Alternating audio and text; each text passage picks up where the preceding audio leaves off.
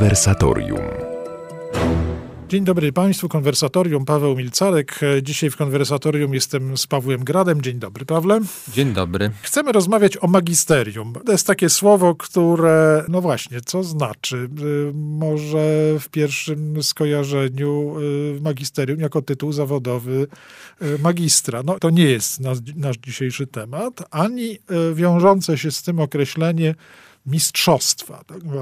W sposób magisterialny, mówiąc tak z francuska, jeśli coś ktoś ujął, przedstawił i tak dalej, to znaczy, że w sposób mistrzowski, z, z perspektywy, no byśmy my z kolei powiedzieli profesorskiej, coś zostało ujęte. Nasza rozmowa tych dwóch perspektyw nie dotyka właściwie w ogóle, albo bardzo pośrednio, bo słowo magisterium w, w naszej rozmowie pojawia się jako nazwa czegoś, co się spolszcza jako urząd nauczycielski e, Kościoła. Słowo urząd, które na różne sposoby w ohydnych konotacjach nam się zwykle zjawia. Oczywiście no, tutaj nie powinno się kojarzyć e, z salą pełną urzędników, tylko raczej z określeniem pewnego zadania, misji, służby. Tak? E, urząd nauczycielski Kościoła to jest pewnego rodzaju zdolność i zadanie, do rozstrzygania zagadnień należących do nauczania kościelnego,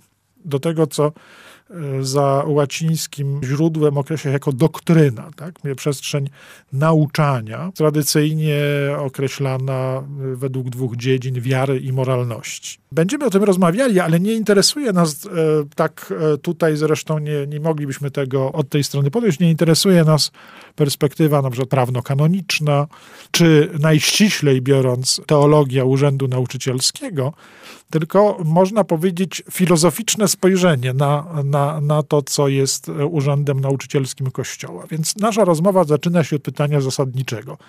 Czy Kościołowi zależy na prawdzie? Skoro istnieje urząd, skoro Kościół ma w sobie, w swoim e, sercu urząd, który rozstrzyga sprawy dotyczące e, prawdy, zgodności nauczania z e, rzeczywistością objawienia, to w takim razie, czy rzeczywiście Kościołowi powinno zależeć przede wszystkim na prawdzie? Pytanie mnie samemu wydaje się y, retoryczne, ale y, chyba też y, stawia nas wobec takiego faktu, że nie wszystkie instytucje, nie wszystkie instytucje zarządzające e, różnymi sprawami ludzkimi interesują się przede wszystkim prawdą. To znaczy antropologowie na przykład są zdania, że właściwie większość instytucji ludzkich o takim charakterze powiedziałbym całościowym, tak? czyli nie jakichś pojedynczych instytucji, czy właśnie urzędów w takim wąskim tego słowa znaczeniu, tylko takich zrzeszeń, stowarzyszeń, organizacji społecznych, które obejmują całość życia ludzkiego, posiada jakiś komponent, nazywalibyśmy to właśnie doktrynalny, albo posługując się innym brzydkim słowem y, socjologicznym, ideologiczny, tak, w sensie pewnego zbioru przekonań, które się tam w tym wyznaje, natomiast w tym stowarzyszeniu. I pod tym względem można powiedzieć, że na takim podstawowym poziomie Kościół się nie różni od wielu innych instytucji. Natomiast to, co wyróżnia Kościół, zwłaszcza Kościół katolicki, to jest właśnie istnienie takiego urzędu, który to jakby zajmuje się tak, przekazywaniem i rozstrzyganiem kwestii, do, które do m, mm, tych zagadnień doktryny należą, bo trzeba powiedzieć, że nawet w obrębie tej grupy, tak, czy tego zbioru instytucji, y, jakimi są religie, nie jest to sytuacja naturalna. Jest wiele religii, w tym również wiele religii, w których y, kwestia nauczania i prawdy jest jakoś ważna, które nie posiadają takiego urzędu, albo są bardziej rozproszone, tak? Czy będzie to autorytet nauczycieli, tak, rabinów, czy będzie to jakiś przekaz no, na poziomie takim mm, mniejszych, mniejszych jednostek tego stowarzyszenia jak rodzina, no to to jednak nie, y, w przypadku, nie wiem, judaizmu, tak, czy islamu nie mamy do czynienia z istnieniem takiego magisterium. To jest jakby chyba jednak ściśle związane z y, specyfiką instytucjonalną kościoła rzymskiego, w którym istnieje no, jakby zjawisko prymatu, tak, prymatu papieskiego. Ale znowu można powiedzieć, że pytanie, czy powinniśmy tłumaczyć y, specyfika magisterium kościelnego przez właśnie charakter instytucji y, tego kościoła, czy też raczej właśnie powiedzieć, że ta instytucja wypracowała tego typu y, urząd, dlatego właśnie, że w sposób szczególny zależy jej na właśnie jedności i przekazy y, tej prawdy. No i wydaje się, że jednak musimy chyba trochę dotknąć w tym miejscu zagadnień związanych jakoś z teologią, może by bez chodzenia w szczegóły, których, na, na których ja się jako filozof nie znam, ale dość powiedzieć, że ostatecznie w tradycji kościoła tak, katolickiego ostateczny cel y, człowieka, y, do którego on zmierza w tym kościele, polega właśnie na oglądaniu pewnej prawdy, tak? oglądaniu samego Boga. I to jest zresztą powód, dla którego, gdy Tomasz Zakwinu zastanawia się w sumie teologii, czy właśnie sakra doktryna, tak, święta doktryna, czyli można powiedzieć ta zawartość, to co przekazywane przez to magisterium, rozumiane jako urząd. Czy ta sakra doktryna to jest bardziej taka doktryna praktyczna, czy teoretyczna? No to mówi mimo wszystko jednak bardziej teoretyczna. Oczywiście ona ma konsekwencje praktyczne i Kościół naucza też wiele, wielu kwestii związanych z działaniem, tak, z dyscypliną, ale ostatecznie biorąc pod uwagę cel y, tej istnienia tej doktryny, no to chodzi tutaj właśnie o, o przekaz prawdy. Prawda po prostu zbawia. Przy okazji e, swojej niedawnej lektury wielkiej biografii e, Benedykta XVI, pióra e, Petera Zejwalda, przypomniałem sobie rzecz, która kiedyś zafrapowała mnie w życiorysie Józefa Ratzingera, teologicznym życiorysie Józefa Ratzingera, w którym pojawia się taki moment, że on daje sobie sprawę, dzieli się takim wyznaniem, że przez pewną część swojej kariery jako teologa nie przypisywał zbyt dużego znaczenia zagadnieniu prawdy. To jest e, określenie eufemistyczne, ale ono kryje za sobą może nie wprost takie odwrócenie się do, do, do, do prawdy i fałszu, prawda? To nie, nie, nie, nie o to mu chodzi, ale chodzi o jakby postawienie pewnego akcentu. Czy w teologii bardziej chodzi o budowanie pewnego, jakby to być pewnej przestrzeni budowania dobra, tak? Czy bardziej chodzi o to, że to dobro musi być zakorzenione w jakimś rozpoznaniu prawdy. I to dopiero ten drugi moment Ratzinger zwierza to stał się dla niego prawdziwym wyzwoleniem w dalszej pracy teologa, rozpoznaniem, rozpoznaniem jego misji. Gdy sobie to przypominałem, to zdałem sobie przy okazji również sprawę, że chrześcijaństwo, gdy wchodziło na agorę, gdy, gdy wchodziło pomiędzy ludzi ukształtowanych przez kulturę hellenistyczną, to z jednej strony trafiało na ludzi rzeczywiście prawdą bardzo zainteresowanych, zainteresowanych, e, ale z drugiej strony dotykało kultury religijnej, w której prawda, e, przynajmniej tak jak ją e, tutaj rozumiemy, nie odgrywała aż tak dużego znaczenia. W klasycznym wykształceniu greckim to rozchodzenie się jakby w dwie różne strony, wykształcenia filozoficznego i wykształcenia raczej retorycznego, pozwalało budować właśnie w tym drugiej, w tej drugiej wersji przede wszystkim pewną sztukę opowiadania, sztukę przekonywania, sztukę prowadzenia do pewnych celów celów. Na innym poziomie sama religijność e, pogan też nie wskazywała ideału prawdy, e, prawdy o bogach, jako czegoś, co trzeba rozstrzygać, ponieważ w zapleczu kultu znajdowały się po prostu opowieści. Mityczne opowieści, które oczywiście nie chcemy tu nic prymitywizować, miały same docierać do jakiejś prawdy wiecznej, ale nie miały nic z rozstrzygnięć tak, dogmatycznych. Można powiedzieć, dogmat to jest słowo, które pochodzi z języków starożytnych, ale w, dopiero w chrześcijaństwie przyjęło tę funkcję wyrazistego sporu o prawdę, czyli instrumentu w sporze o prawdę. Kościół staje się jedną z największych, także w tamtym świecie, rosnących instytucji, wspólnot, która z jednej strony stawia filozofię tak wysoko, sposób myślenia filozoficznego tak wysoko, a z drugiej strony domaga się wraz z tym dociekania i rozstrzygania i jakby to powiedzieć ustanawiania pewnych sentencji dotyczących prawdy. Y, ja bym powiedział, że to jest y, cecha wszystkich, jakby myślę, racjonalnych działań ludzkich, że one w naszym przekonaniu opierają się na takich rozpoznaniach co do faktów, tak? Znaczy, począwszy od najprostszych naszych czynności.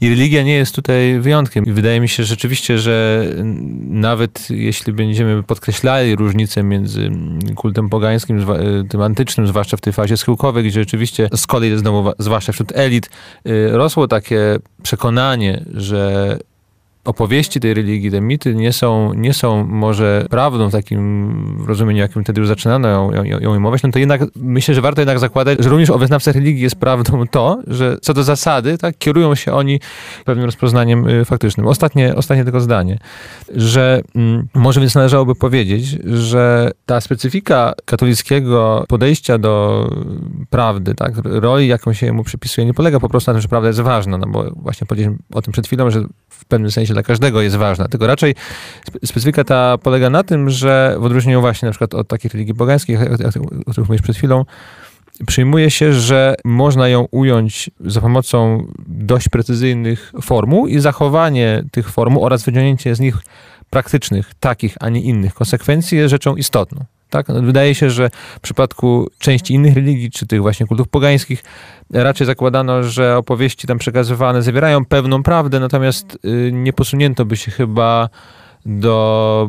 Nikt by się tam nie odczuwał potrzeby, żeby tak spierać się w ten sposób o pewne konkretne rozstrzygnięcie dogmatyczne, albo spierać się o to, jakie praktyczne konsekwencje powinny właściwie z nich wynikać. To, zostało, to było zostawione jakby pewnej dowolności. Wracamy do naszej rozmowy o magisterium, o magisterium Kościoła, o urzędzie nauczycielskim Kościoła. Zaczęliśmy od zupełnie podstawowego pytania, y, czy Kościołowi y, zależy na prawdzie i dlaczego stał się rzecznikiem takiego, jakby to powiedzieć, dogmatycznego, tak, rozstrzygania, deklarowania prawdy w, w porządku y, nauczania i także pra, prawdy wymaganej życiowo, bo oczywiście mówimy nie wyłącznie o czysto teoretycznym, choć oczywiście ono jest źródłowo teoretyczne, ale czysto teoretycznym wykładzie prawdy o sprawach boskich, ale także o wszystkich wiążących się z tym szansach i zobowiązaniach, które spływają na poziom życia ludzkiego. No ale przybliżmy się teraz do samego funkcjonującego w kościele mechanizmu tak, określania i, i głoszenia i precyzowania prawdy. Jasne, że trzeba zwrócić uwagę na określony przedmiot, na, na cel tego działania. Przedmiotem są e, zasadniczo prawdy, które należą do e, albo wprost do objawienia Bożego. I Kościół utrzymuje, że, że są treścią tego, co Bóg jako najwyższa prawda, nie mogąca się mylić i w błąd wprowadzać, przekazał człowiekowi na sposób nadprzyrodzonego objawienia, nie prywatnego, tylko objawienia, które było dawane przez e, wieki, e, po części utrwalone w, w pismach, e, po części obecne w wielkiej tradycji, tradycji apostolskiej. To są źródła. Do ich interpretacji, autentycznej interpretacji, właśnie upoważniony jest Urząd Nauczycielski Kościoła, który y, z kolei powierzony y, jest, y, można powiedzieć, z jednej strony bardzo konkretnym ludziom, biskupom, kolegium biskupów z, z papieżem na czele, tak to w, w ogromnym skrócie, ale my, myślę, że precyzyjnie, katechizmowo można zreferować jako stanowisko katolickie, a w jakimś sensie oznacza to, że ta zdolność jest trwale, zdolność takiego interpretowania jest trwale przypisana Kościołowi jako, jako wspólnocie i ze względu na to, że on tę zdolność posiada, może ona być z upoważnienia Ducha Świętego przekazywana konkretnym osobom, konkretnym działającym w, granicach tego upoważnienia osobom. I tutaj zawsze oczywiście granice tego upoważnienia są szalenie ważną sprawą, prawda? Zawsze jak dojdzie się w jakichś rozmowach bardziej lub mniej poważnych do słynnej kwestii nieomylności, na przykład nieomylności papieskiej, to nie dość zawsze wyjaśniać na tym przykładzie, prawda, że, że, że, że, że znowu nie chodzi o, o to, co dana osoba, na przykład papież, e, powie e, przez telefon, albo co e, wygłosi nawet z okna, albo co, co tam w jakimś sensie uzna osobiście za bardzo pociągające, tylko raczej chodzi o ten moment, w którym E, ogłasza e, prawdę w, w ramach swojego e, urzędu, chcąc nauczać cały Kościół i nauczając o rzeczach, które mają E, uzasadnienie w, w objawieniu, którego sługą jest, e, jest ten nauczający. Ja bym też powiedział, że jednak e, w takim, nie wiem czy ze mną się zgodzisz, że jednak w takim potocznym języku publicystyki, która tych spraw dotyczy, magisterium określa się po prostu każde, w szerokim sensie, nauczanie, tak, które wychodzi z ust,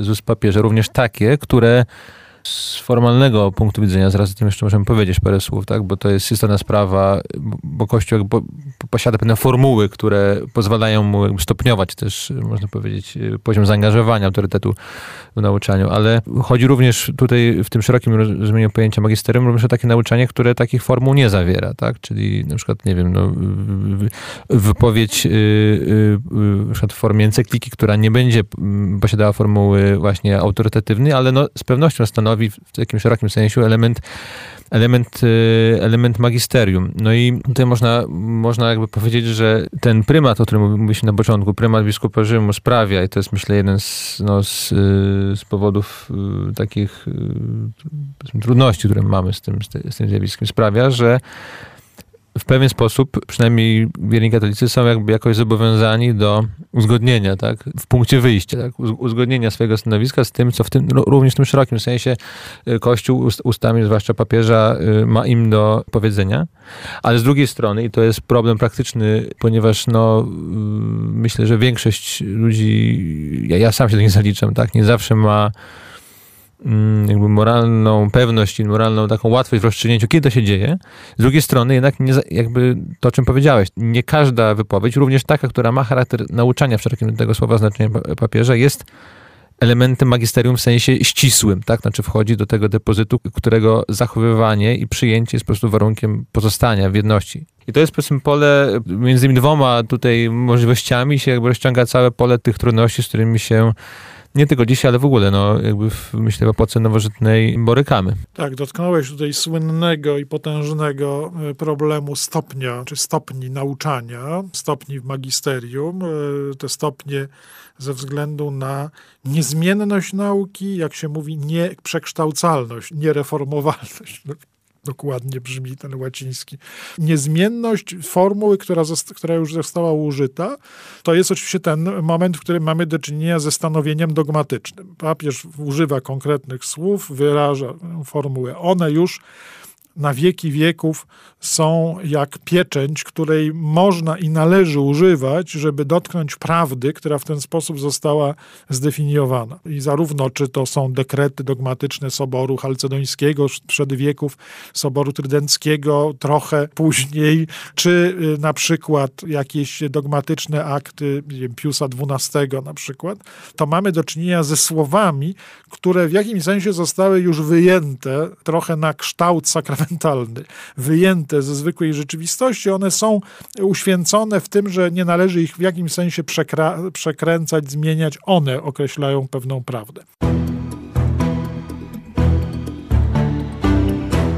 Wracamy do rozmowy o magisterium, o urzędzie nauczycielskim Kościoła, o takim e, specyficznym e, narzędziu, które kształtowało się w życiu Kościoła katolickiego i które staje się czasami przedmiotem wielkiego zainteresowania także świata, gdy na właśnie na ustach papieża albo w dekretach soboru ważą się jakieś postanowienia, które potem nawet na pierwszej stronie New York Times Timesa czasami e, e, streszczane zwykle bez większej ścisłości, ale jednak coś tam się pojawia. Papież Benedykt to powiedział, Jan Paweł II coś ogłosił.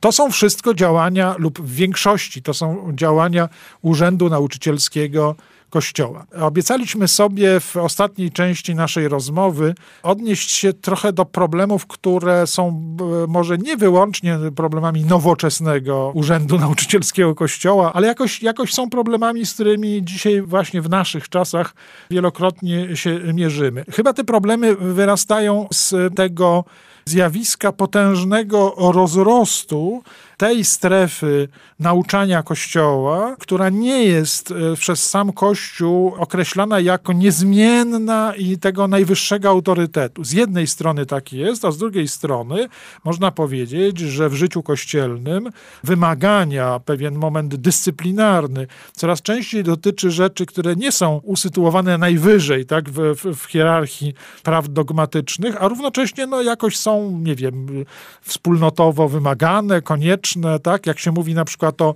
ideach Soboru Watykańskiego II, to bardzo rzadko mamy do czynienia z jakimś e, precyzującym wykładem teologicznym, tylko raczej właśnie z takim duchem Soboru, prawda? To z jednej strony jest element jakiś amorficzny, nie wiadomo do końca co, które zdanie, które litery, a z drugiej strony szalenie wymagający jest ten duch Soboru, bo można kogoś oskarżyć o to, że on jest niezgodny z duchem Soboru i właściwie znalazł się poza kościołem posoborowym. Takie rzeczy czasami się słyszało i chyba to jest jeden z naszych, mówię nie tylko posoborowych, ale na naszych czasów w ogóle problem takiej dysproporcji między ważnością nauczania, a siłą jego obowiązywania. Tak, znaczy powiedzmy nauczanie w, w sensie ważności, w sensie wagi, jaką ma, to ma, to ma zawsze, ale rzeczywiście istnieje takie zjawisko, o, o którym mówisz, y, no dość powiedzieć, że w ogóle encyklika, tak, czyli dla wielu ludzi być może jedyny albo podstawowy format wypowiedzi y, najwyższej władzy, tak, w kościele, jakie kojarzą, jest y, taką formą, no, ściśle nowożytną, która jest bardzo często w życiu no, przez ostatnie 100-150 lat. To jest związane z tym, myślę, to zjawisko, że w poprzedniej epoce, to nie jest epoka, która trwała może od początku chrześcijaństwa, tak, ale Kościół przez, czy wcześniej, przez, przez setki lat funkcjonował w takiej sytuacji, w której istniała i wewnątrz Kościoła, ale też po stronie współpracującej z nim władzy świeckiej możliwość praktycznej, prawnej egzekucji yy, nauczania. Znaczy jakby, można powiedzieć, jeśli spojrzymy na Kościół, na, na nauczanie Kościoła i na religię katolicką w Europie jako na pewien system, to był to system bardziej domknięty. Tak? Orzeczenia, kanony soborowe miały bezpośrednie, można powiedzieć, przełożenie na, na życie. Natomiast na tym między innymi polega proces sekularyzacji, który toczy społeczeństwa nowoczesne, wypycha też Kościół jakby z, z, z ich życia, że Kościół tą władzę, y, rozumianą tak najbardziej potocznie, tak, y, najnormalniej traci. I pewną reakcją na, to, na, to, na tą utratę realnej władzy jest rozrost właśnie tego nauczania w szerokim sensie. Znaczy, zakłada się, że się przemówi do ludzi, to ich ich przekona, do tego, aby w kościele pozostali tak, i utrzymać tą sterowność tego, e, tego systemu, którą traci się właśnie przez utratę władzy. I to jest jakby powód, myślę, dla, dla, którego Kościół tak chętnie naucza, tak, na różne, na różne sposoby. Z drugiej strony, i to jest e, ten drugi element, o którym wspomniałeś, czyli taki ekstensywny, tak, przyrost tego magisterium, jakby ilo, ilości dokumentów na przykład, czy wypowiedzi, nie idzie w parze z zwiększeniem intensywności tego nauczania, w sensie na przykład zaangażowania autorytetu, to wiąże się to z tym, że znowu im, można powiedzieć, wyższa ranga dokumentu, im większe zobowiązanie, aż po formułę dogmatyczną, tym koniecznie są, czy potrzebne są bardziej dalekosiężne właśnie y, metody jego egzekucji?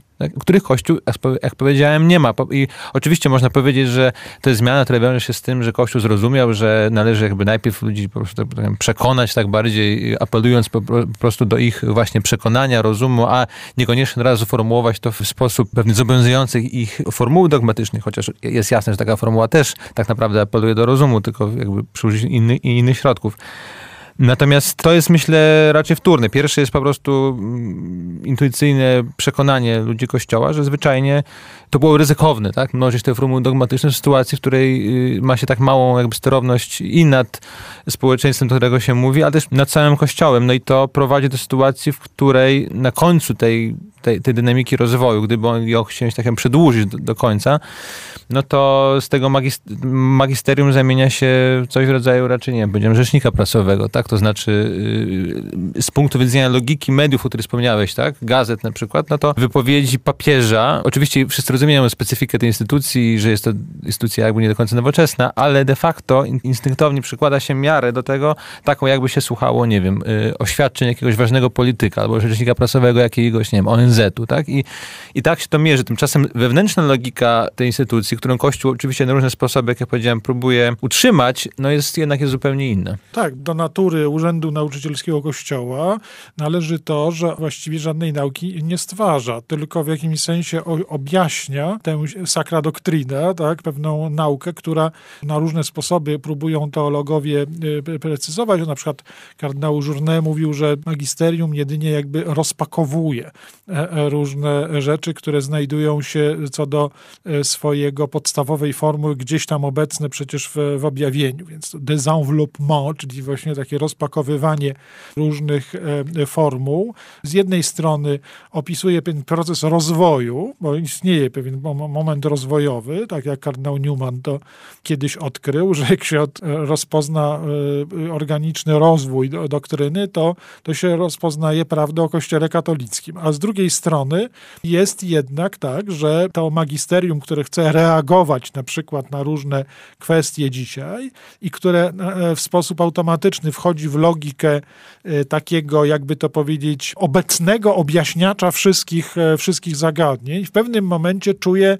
jakby był na uwięzi, tak? bo nie może zastosować każdej pragmatycznie, jakby to powiedzieć, wydaje się najbardziej skutecznej formuły wciągania ludzi do słuchania, do zainteresowania, ponieważ ma gdzieś bagaż za sobą formuł, które powinien streszczać, które, które powinien przedstawiać, z którymi powinien konfrontować.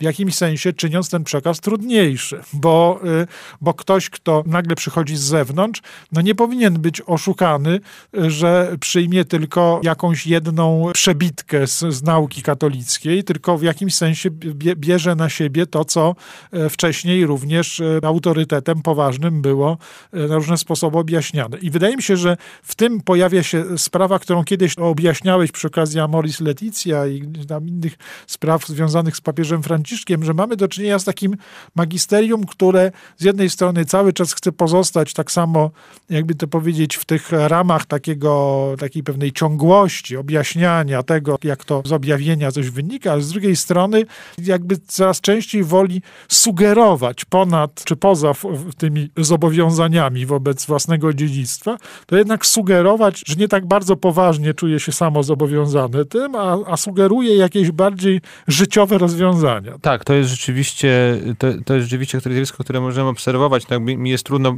mówić prawda, o intencjach samego Urzędu Nauczycielskiego czy papieża, ale na pewno tak to zaczyna funkcjonować, tak? To znaczy, powiedzmy, ten wymóg pewnej ciągłości. Ja zresztą myślę, że on niekoniecznie nawet musi powodować utrudnienie zrozumieniu tego przekazu, który ma Kościół, tak? No bo to jest zadanie nauczyciela, żeby uzgodnić swoją wypowiedź. To zresztą jest ciekawa formuła Benedykta XVI, także sprawowanie władzy w kościele jest aktem posłuszeństwa. To jest dziwne, dziwne brzmi, no ale sens tego jest taki, że właśnie ten, kto sprawuje władzę w kościele, musi być posłuszny objawieniu Bogu ostatecznie, a też tradycji, którą przekazuje. I to jest jego zadanie, aby uzgodnić to, co ma do przekazania z tą tradycją. Natomiast efekt finalny, tak, ten przekaz, który już idzie w świat, może być, że tak powiem, z punktu widzenia odbiorcy niejako sprasowany, tak? Te wszystkie warstwy tradycji mogą być niesprasowane, niekoniecznie na pierwszy rzut oka czytelne, ale powinny tam być. W każdym razie, rzeczywiście ten wymóg ciągłości istnieje, zwłaszcza, myślę, w warstwie doktrynalnej, tak, czyli jakby na, nauczania właśnie y, prawd y, wiary.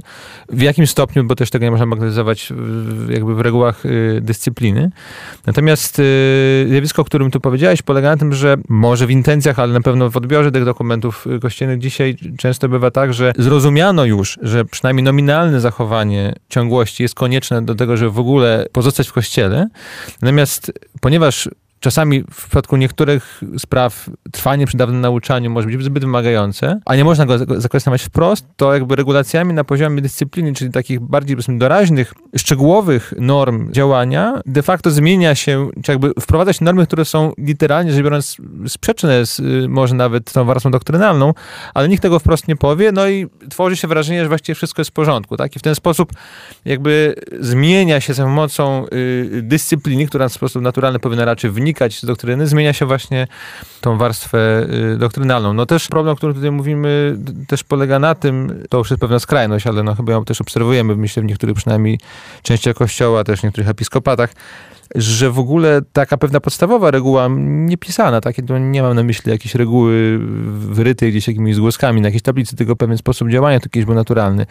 Reguła, w której instynktownie szukano spójności między działaniem a przekonaniami, a same przekonania właśnie ujmowane za pomocą precyzyjnych reguł, to gdzieś odchodzi jakby przeszłość, tak? No to w czasach Lutra to było naturalne, tak, że postawiono go na debacie, gdzie były poddane właśnie sformułowane ściśle tezy, poddane po dyskusji. Do dyskusji on musiał je zaprzeczyć albo je potwierdzić. I to, czy im potwierdził, czy je zaprzeczył, było miarą, że tak powiem, jego przynależności do kościoła. Również te słynne y, anatemy, tak, były właśnie tak formułowane, że precyzowano tezę która miała być znegowana albo potwierdzona, no i w zależności od tego, czy się potwierdzał lub negował, no to uznawano, że będzie wyklęty albo nie. Dzisiaj to jest jakby, jakby myślę, że dla wielu ludzi to jest jakiś zupełnie, to się wydaje, jakiś zbyt pryncypialny sposób postępowania, w którym jakoś tak obsesyjnie się próbuje wyciągać jakby żelazne konsekwencje z jakichś abstrakcyjnych praw. Dzisiaj jakby można ustami wyznać jedno, a jakby przekonaniu, że praktycznie wynika z tego to, co mam ochotę, żeby wynikało. To jest jakby takie zjawisko kruszenia tego autorytetu, praktycznego autorytetu tego magisterium, które nie polega na jego otwartej negacji, tylko raczej takim jakby rozmontowywaniu tych mechanizmów, które przez wieki służyły do tego, żeby je przekazywać. I ostatnie, ostatnia rzecz, tylko którą chciałem powiedzieć, bo tak mnie zastanowiło to, co powiedziałeś o tym, że ta potrzeba spójności z dawnym nauczaniem, jakby zawarcia w każdym kolejnym dokumencie, niejako w pigułce całego poprzedniego nauczania może prowadzić do pewnego utrudnienia, działa na, na szkodę y, rozumiałości tego, takich dokumentów. Ja muszę przyznać, że istnieje, myślę, równie poważne zagrożenie, że porzucenie tej takiej, nazwijmy to, prawno-kanonicznej tak, logiki jasnych formuł i definicji i zachowywania niesprzeczności między kolejnymi orzeczeniami na rzecz jakiejś luźniejszej formy wypowiedzi może prowadzić do równie dużej niezrozumiałości. Tak? Znaczy dokumenty pisane właśnie bez może troski o, o ścisłość, bez przywiązywania dużej wagi do określoności formuł, bez uzgadniania aktualnego, czy aktualnego, czy aktualnego wyrazu nauczania z poprzednimi formami, myślę, że są równie konfundujące dla czytelników i myślę, że katolik autentycznie zainteresowany nauczeniem Kościoła szybciej się nawet może zmęczy niż czytając, nie wiem, czasami może zbyt precyzyjne, ale jednak przynajmniej konkretne orzeczenia, nie wiem, Soboru Trydenckiego. To oczywiście to chodzi właśnie o te dwie różne perspektywy. Z jednej strony kogoś, kto chce, czy zdaje sobie sprawę, że że, że wchodzi w kontakt z e, jakąś e, nauką, której rozumienie może się oczywiście rozwijać, ale która co do, co do zasady jest cały czas e, wykładem tego samego pryncypium, tego, tego, tej samej podstawy.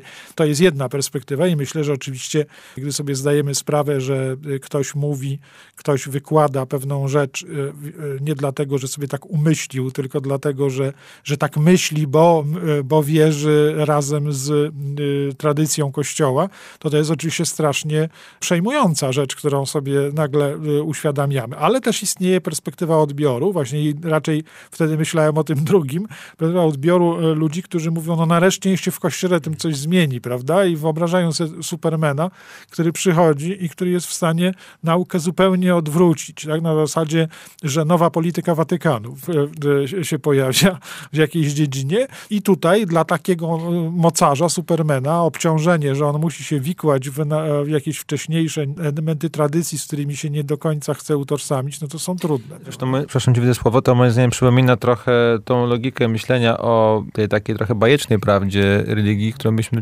o której wspomniałeś na początku rozmowy, tutaj zataczamy koło, w przypadku religii pogańskich, tak? Znaczy takie przekonanie, że oczywiście religia jakoś pośrednio jest takim systemem bardzo zamglonych luster, które odbijają prawdę o Bogu, ale jakby oczekiwanie, że będziemy się trzymali ściśle jednej, jednej formuły, jeszcze wywodzili z niej praktyczne konsekwencje, no to jest jakby za dużo. To jest jakby pokładanie zbyt dużej nadziei w tym nauczaniu. Raczej trzeba przyjąć, że prawda o Bogu jest, jakoś ją poznajemy, ale w sposób niedoskonały, w związku z tym mamy du dużą swobodę jakby w wyborze formuł jej ujęcia. I to jest dla wielu ludzi, myślę, instynktowny sposób myślenia, również o prawdzie katolickiej, tak, czy prawdzie, którą Kościół głosi, no ale trzeba przyznać, że tutaj mamy do czynienia z jakimś takim zjawiskiem wtórnej, jak nie wiem, repoganizacji, albo no w każdym razie odejście od tej logiki, która sprawiała, że te, że użyję tej oklepanej anegdoty, że te, że te przekupki się y, na tym targu tak dochodziły o zagadnienie Trójcy Świętej Konstantynopolu. No bo mogły się dochodzić tylko dlatego, że się przejmowały ścisłością sformułowań. W świecie, w którym ktoś się nie przejmuje tą ścisłością sformułowań, no to nie ma też sporu, prawda? Rozmawialiśmy dzisiaj o Urzędzie Nauczycielskim Kościoła, o magisterium, nie tyle z perspektywy historycznej, nie tyle z perspektywy wewnętrznie teologicznej, tylko próbując popatrzeć e, od tej strony, jak e, Kościół dzięki takiemu swojemu urzędowi zajmuje się prawdą, tak? bo to nas interesowało, dlaczego jest zainteresowany Kościół prawdą i w jaki sposób stara się prawdę powierzoną mu precyzować. Dziękuję za rozmowę Pawłowi Gradowi. Dziękuję bardzo. Dziękujemy Państwu za uwagę i jak zwykle zapraszam Państwa do konwersatorium w przyszłą niedzielę o godzinie 13. Do usłyszenia. Dobrej niedzieli. Audycja powstaje we współpracy z kwartalnikiem Chrystianitas.